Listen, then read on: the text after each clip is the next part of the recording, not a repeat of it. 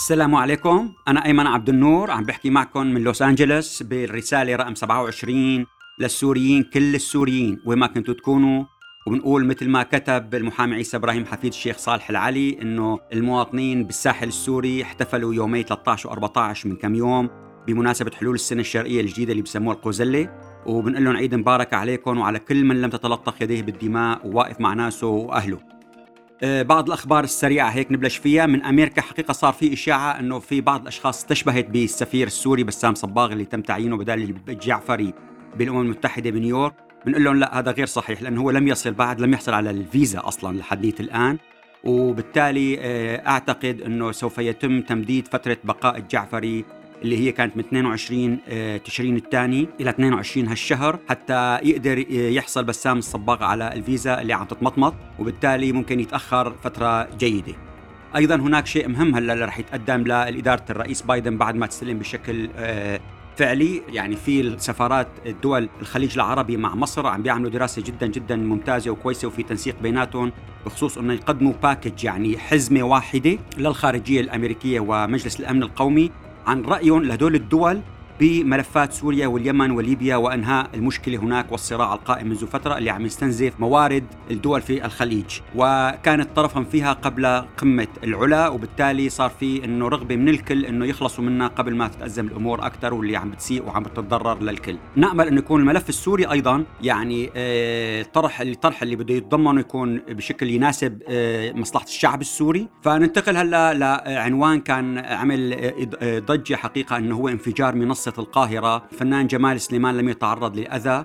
طبعا طبعا هو المقصود انفجار معنوي لأنه في ناس فكرت إنه فجرت سيارة أو طاولة لا سمح الله فيهم يعني أو شيء. لا يعني هذا الاسم الاسم هو آه، يعني انفجار معنوي يعني. تم تغيير مثلا فراس السيد فراس الخالدي بعت آه، كتاب للهيئة. تم تغيير فيه السيد قاسم الخطيب بالسيدين نضال محمود الحسن وتليد صائب. والحقيقة الفكرة وراء ذلك قد تكون مهمة اللي هي طرحوا أنه لازم يغطوا النقص بتمثيل أشخاص من الجزيرة السورية المنطقة الشرقية اللي موجودين سواء بالهيئة أو بعضوية اللجنه الدستورية. وبالتالي الاثنين هن من أبناء تلك المنطقة. طبعا الفنان جمال سليمان كما أنه هو انفجار معنوي يعني ما لم يتعرض لا أذى بإيده ولا صابه شيء الحمد لله يعني بأي مكان في جسده. طبعا هو لم يحضر الدورة الرابعة اللي صارت بجنيف بشهر الفائت ديسمبر وما راح يحضر أيضا الدورة الخامسة اللي هي بعد آه، أيام. فهذا هو الواقع الحالي. هلأ في النقطة اللي أثارت أيضا يعني جدال وتغطية إعلامية كبيرة هو صورة أسماء الأسد اللي عم تحتل صارت مكانها حتى بمكاتب الوزراء الرسمية داخل مكاتب الوزراء الحكومية. وبالتالي نحن بسوريا ما كنا معتادين نهائيا على هيك قضية يعني حتى في ناس ما كانت تعرف اسمها أو صورته لزوجته لحافظ الأسد. ولم يكن سابقا مثلا الرئيس شكري قوتلي أو رؤساء الوزارات أو خالد العظم أو غيرهم إنه يحطوا صورة زوجاتهم سواء في المكاتب الرسمية أو على الأبنية يعني هي ما كانت موجودة. وعمل معي لقاء آه، موقع تلفزيون الحرة وموقع آه، العربية نت وحكيت عن أنه هي هي الخطة ب لأنه خطة ألف تقتضي بترشيح حصرا ونجاح حصرا بشار الأسد. الخطة باء إذا صار قرار دولي مثلا هو خايف يصير قرار دولي أو مجلس أمن دولي أو يصير في اتفاق روسي أمريكي وبالتالي بيقدموا الخطة ب اللي هي أسماء الأسد تترشح. وفي عديد من الاعتبارات لماذا هي. طبعا هي عم تتدرب صار لها فترة على مهارات القيادة يعني بتلاقوا الخطاب عندها اختلف التعابير اللي بتستخدمها اختلفت من خلال كذا سنة قبل لآخر سنة سنتين طريقة سلوكها مع الناس ومشيتها طريقة قيادتها لمرؤوسينها فاذا هذا كله في تدريب واضح للقصة. حتى بقدر لكم إنه في هناك خطة جيم إنه إذا طلع بعد القرار الأمريكي اللي هو وضع على قائمة العقوبات وهذا قرار كان ذكي جدا من الخارجية الأمريكية وضعها هي وأبوها وأخواتها كلهم على قائمة العقوبات وبالتالي قطع الطريق أمام هذا القضية وضعوا خطة جيم يعني آه، هن آه، طبعا لأنه هذا السياسي ما في أنت تضع نفسك وتحشر نفسك في الزاوية. بالتالي صار في خطة ألف وباء أسماء الأسد وخطه جيم اللي هي قيادي أمني كبير جدا في سوريا سني. فيعني هي الخطط الموجودة عندهم. أيضا محمد عزت خطاب اللي هو أمين عام حزب سوريا للجميع رشح حاله أيضا لمنافسة بشار الأسد. هلا هناك شبه تأكيدات حتى نحكي عن مكشوف. في إنه قيادي معارض كبير رح يترشح وهناك تمويل جيد عم بيترتب له وراح يتم وضعه كواجهة لقوى عديدة. اللي عندها خبرة بتعرفوا أنتم في كثير قوى سياسية في سوريا عندها خبرة بتحط ناس في الواجهة وهي بتتخبى وراهم مشان تبرزهم فجزء من هذه التركيبة آه الآن عم بيتم آه عقد الاتفاق عليها. هلا هذا على مستوى قيادات النظام والمعارضة. لكن على المستوى الشعبي شو اللي عم بيصير عم بيصير شيء جدا جدا مهم ما حدا حدا عم بيغطيه. هذا لازم نحن نغطيه. وأنتم دائما تتابعوا الأخبار تبعه. مثلا بالشارع الدرزي في ضغط ضغط أمني وروسي عليه. من أجل إرسال الشباب للخدمة العسكرية وفي استياء شديد جدا في منطقة السويداء وبالشارع الدرزي بشكل عام ضد النظام. بالشارع العلوي أيضا في أمرين آه، لفتوا الأنظار حقيقه الأسبوع الفائت. الدكتور محمد الأحمد اللي بينتمي لعائلة كبيرة في حمص نشر رواية الأرض. كتب إنه شو هي هي رواية الأرض. عم بيحكي فيها إنه هي رح تحكي عن هجرة الفلاحين من أبناء جبل الساحل العلويين للداخل السوري معاناتهم من الفقر توطين كثير منهم من عائلات الفلاحين بحمص. ورح تحكي ويسلط الضوء عن بعض أبناء الفلاحين الذين انتسبوا للجيش وتحول بعضهم ليمارس الأقطاع والظلم بعد أن كان مظلوما. فاذا هي كمان صار ناشر ثلاث حلقات منها. أيضا تم إطلاق صفحة على الفيسبوك اسمها انتفاضة الساحل وقالوا نحن ليش سميناها انتفاضة الساحل؟ لأن السوريين كل السوريين تعبوا من الثورة ومن حراميتها وسارقيها وخائنيها وقاتليها. ولأننا نحتاج انتفاضة وحجر بحرك المي الراكدة. نحن اليوم انتفاضة الساحل لكن يمكن يكون بكرة انتفاضة سوريا كلها. ونحن بنريد إطلاق سراح المعتقلين بنريد فترة انتقالية يديرها ضباط سوريين. لم تتلوث أيديهم بالدماء وإعلان دستوري ومجلس انتقالي. بنريد انتخابات وقال شغلة جدا مهمة قال وبعد ذلك لا تقلقوا حين يرحل النظام بيكون أمام السوريين ألف طريقة لحتى يجلسوا ويناقشوا كل شيء بين بعضهم ويحلوها برواق، الشارع المسيحي أيضا كان في نقطتين. جدا لفتوا الأنظار. أعلنوا بلبنان حقيقة بتلفزيون النيو تي في إنه الناس اللي استوردت النيوترات الأمونيوم وتفجرت ودمرت جزء كبير من بيروت اللي قريبة من مرفأ آه، port بيروت هن آه، جورج حسواني سمتهم بالاسم ومدلل خوري. طبعا هن الاثنين آه، يعني للأسف الشديد هن بينتموا للشارع المسيحي روم أرثوذكس. جورج حسواني قدم نفسه اللي هو أطلق المفاوضات مع لتحرير راهبات معلولة فهو قدم نفسه كرجل يعني للكنيسة وكان هو اتهم أصلا كلنا شركاء والمهندس أيمن عبد النور بالاسم بلقاء معه مع وكالة تاس الروسية بديسمبر 2015 إنه هن اللي كانوا وراء آه، المقالات اللي نشروا عنه كانت أول من فضح الأعمال التي يقوم بها والغير قانونية والتي تخالف العقوبات الاقتصادية الدولية وأدت إلى وضعه على قائمة العقوبات الاقتصادية. فيعني هذا اللي هو ذكره من تمه. فالمؤتمر المسيحي العربي اللي بترأسه الأستاذ فارس سعيد بلبنان حقيقة الآن عم بيوجهوا كتاب للكنيسة لأصدار بيان وتصريح يبعدوا نفسهم عن أعمال هذين الشخصين ويتبرأوا من تصرفاتهم لأنه في ناس علقت صوره هدول الشخصين بأنه كانوا يمثلوا كنيسة الروم الأرثوذكس وبالتالي هذا كمان طلب مهم. آه، أيضا في تصرف ثاني بالشارع السوري. في سيدة سوريه بتعمل بحقل الإغاثة وإرسال مساعدات غذائية وإنسانية للأطفال والفقراء بمناطق النظام ومنها حتى محردة وسقلبية اللي فيها ميليشيات مسلحة هنيك الآن عملت فيديو تطلب فيه رحيل بشار الأسد، طبعا هذا في مؤشر مهم للحراك داخل سوريا اللي بسببين، اولا هي عم تحكي عم تعكس ما يجري في الداخل. الشارع المسيحي داخل سوريا عم نحكي وفي مناطق اللي هي أشد ولاء له اللي هي محرده وسقيلبيه وأيضا هي عم بتأثر بالناس بعد ما حكت هالحكي وطالبت برحيل بشار الأسد عن الحكم عم بتأثر بالناس هنيك. اذا في شيء يجري حقيقة على الأرض. طبعا هي كل هذا اللي ذكرته كان مستحيل إنه تحدث قبل سنوات. وكان صعب كثير تحدث قبل سنتين وصعب قبل سنة وأصبحت تحدث الآن. اذا نحن عم نلاحظ إنه هناك انتقال من كلمة مستحيل لصعب جدا لكلمة صعب ليحدث الآن وممكن. وبالتالي هذا شيء يعني ملفت للانتباه لوين نحن رايحين خلال العام هذا الحالي. هلا في نقطة كمان جديرة يجب أن نربطها بما يجري. في نقص أموال كاش أوراق سوري عند النظام. لذلك آه، النظام أصدر آه، قرار آه، رئيس النظام اللي هو قائد عام الجيش بتاريخ 10 الشهر يعني من قبل عدة أيام بيخفضوا نسبة يخفضوا نسبة الاستنفار بالجيش. نزلوها من 100 للقوات البرية ل 80 ومن القوات التابعة للمكاتب الإدارية من 80 ل 50 هلأ هذا بيعطي ثلاث مؤشرات. أولا هن رايدين يكثروا الإجازات وبالتالي يخففوا عدد الناس الموجودين والمداومين. بالتالي بتخف التعويضات والأموال اللي بدهم يدفعوها وبتخف الأكل بالتالي بتخف المصروف على الأكل. وبتخف التدريبات الحية بالذخيرة الحية وبالتالي بيتم استخدام بخف استخدام الذخيرة الحية وصرف المصاري عليها. إذا في شيء واضح إنه هن بدهم يخففوا الأموال اللي عم بيدفعوها للمعاشات وللموظفين وللجيش وللأمن وللمتقاعدين اللي هي بتكلفهم بحدود ال 40 45 مليون دولار بالشهر واللي يمكن ما عاد عندهم إياها آه، ما عاد عندهم مصاري سوري بعد ما سحبوها حتى من المصارف الخاصة ببيعهم ب bonds اللي هي آه، صكوك إيداع بسموها 50 ل 100 مليون. ما عاد عندهم هالمصاري. إذا في مشكلة.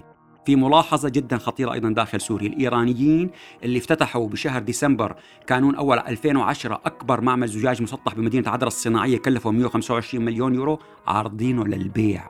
هذا مؤشر كتير كبير وهو اللي بتملكه شركة First Class الإيرانية. إذا في شيء صاير جوات سوريا. إذا هذا كله عم بيدعو في ناس شو عم بتقول؟ عم بتقول خلونا نعمل على مقاطعة الانتخابات وهذا جهد أهلنا اللي بالداخل وكل المؤشرات تشير نحو ذلك أنه هن ما راح يشاركوا ويدبكوا ويرقصوا ويرفعوا الصور ويروحوا ينتخبوا بالدم وهذا له نفس أهمية نشاط المعارضة اللي عم تشتغل عليه عديد من المنظمات بخارج سوريا لعدم الاعتراف بشرعية الانتخابات، اذا هو بده يكون جهد متكامل داخليا مقاطعة الانتخابات، خارجيا عدم الاعتراف بشرعية الانتخابات. رامي مخلوف شو اللي صار؟ صار اذا عدد من النقاط، أبو علي خضر اللي هو اقتحم بيته، طبعا اقتحمه بعد ما صار هو منزله لأنه هو اشتراه بوكالات مزورة وأخذ البيت وأخذ شركاته وراحوا فتشوا بالكمبيوترات والوثائق ما في شيء. بنأكد لكم لم يجدوا أي شيء من الأملاك اللي بيملكها عائلة مخلوف خارج سوريا والحسابات البنكية ولا أي الأرقام الحسابات والكودات السرية تبعتها. والآن الكل تلك الجهات تم إبلاغها من قبل عائلته ومحامي رامي مخلوف خارج سوريا أنه أي وكالة أو أي قرار يطلب تنفيذ باسم عائلة مخلوف يحمل وكالة من سوريا فهي تعتبر مزورة وأخذت تحت الضغط والإجبار. كمان هي بهدلوا الشعب السوري. الله يبهدلكم أكثر ما كان يعني القائمين على هذا الأمر من النظام السوري. أيضا رامي مخلوف قال إنه لازم نبلش بالصلاة من 15 كانون الثاني ل 40 يوم وليس لخمس يعني معناتها في ناس فكرت إنه يوم 25 شباط رح يصير شيء كبير. لا ال 40 يوم قصده هي الاكتمال وحلقة الدائرة بالرموز الدينية السرية الغيبية. كيف الميت بعد 40 يوم بيقولوا صعدت روحه إلى السماء؟ كيف المسيح عليه السلام صام 40 يوم؟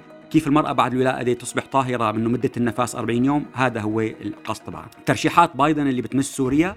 رشح لل CIA حقيقة شخص جدا مخضرم ومحترم جدا اسمه ويليام بيرنز. كان معاون وزير الخارجية وتقاعد وراح على لندن التقى الإعلامي المخضرم السوري طبعا إبراهيم حميدي بال 2016 حكى عنه عن موقفه من سوريا واعترف إنه قمنا بأخطاء وقال إنه كان لازم نوائم بين الأهداف والأدوات وهذا الخطأ اللي ارتكبته إدارة أوباما رغم إنه هو كان عضو فيها. وقال إنه نحن كان في خطأ إنه كيف تجاوزنا عدم توجيه ضربات بعد تجاوز الخط الأحمر. وقال إنه هو وجاك سوليفان رئيس مجلس الأمن القومي الحالي رشحوا للرئيس أوباما وكتبوا له إنه لازم يعمل ضربات ما بيصير لأنه هذا أثر على سمعة وهيبة أمريكا في العالم. وبالتالي اذا نعرف خلفية عقلاته. أنا تعرفت عليه حقيقة بشهر سبعة بجولاي 2001 يعني من أكثر من 20 سنة. عينوا أيضا المسؤولة المباشرة عن سوريا بالبيت الأبيض اللي هي زهرة هرجي بيل. حطوها رئيس مكتب سوريا في مجلس الأمن القومي. رح تتغير كل طبيعة العلاقة الآن بين الملف مين بيدير الملف السوري في أمريكا. كان سابقا أيام أوباما كان في رئيس آه، ال MENA Middle East الشرق الأوسط و North شمال أفريقيا اللي هو كان روبرت مالي. الآن صار بداله بريت ماكجورك. هن رح يديروا الملف وليس وزارة الخارجية.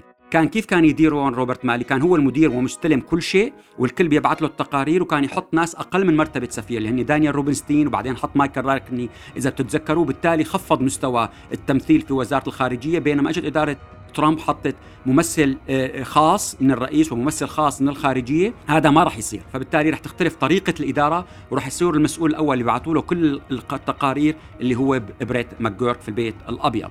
أيضا آه، آه، خلينا ننط لألبانيا. حقيقة في صارت قصة مشان تاخذوا فكرة كيف عم يشتغل هذا النظام. في شاب من ألمانيا له علاقة بكبار أحد كبار المسؤولين هو بيقربه لأحد كبار المسؤولين بألبانيا. سافر بال 2016 صار يقاتل مع الناس اللي هن بشمال سوريا. اختفى دوروا عليه ما قدروا لقلوه آه، راح اتصلوا مع رجل دين سوري عنده علاقات مع المفتي تبع ألبانيا.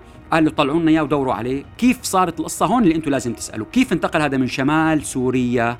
صار بمكتب علي مملوك خطفوه. كيف؟ وقايضوا فيه عليه وفرضوا على ألبانيا أنه تبعت لهم شحنة غاز عبر ناقلة ميلودي. هذا السؤال اللي نحن لازم نسأل. كيف قدروا سرقوه من شمال سوريا من الفصائل؟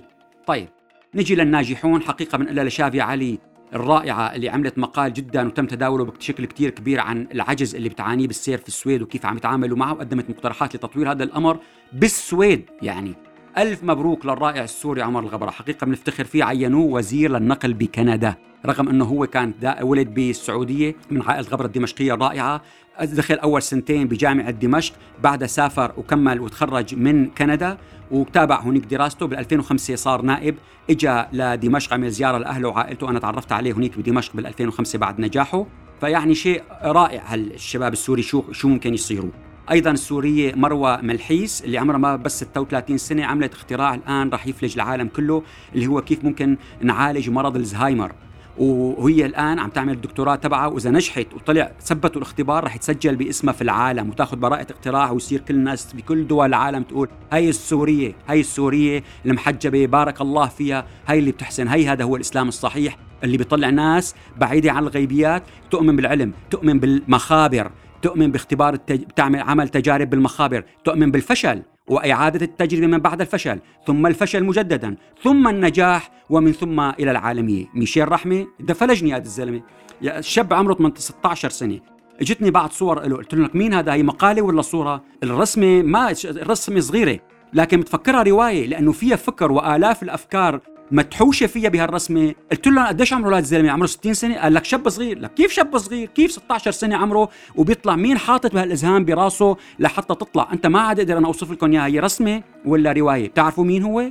هو حفيده لميشيل كيلو. قد يكون ورتان هالفكر السياسي اللي قدر ضغطه بيعملوا مثل كبسولة برسمة صغيرة عبر عن رواية كاملة أو كتاب كامل لجده. حقيقة شعب رائع. رح يطلع عنا مئات الشباب وآلاف الشباب اللي رح يبدعوا في كل دول العالم بس دائما عينكم على سوريا. تساعد أهلنا وناسنا وبدنا نرجع بعد ما ينتهي كل الألم والقتل والمقتل اللي في سوريا ونعيش مع كل الناس. شعب واحد في دولة واحدة بإذن رب العالمين. شكرا لكم.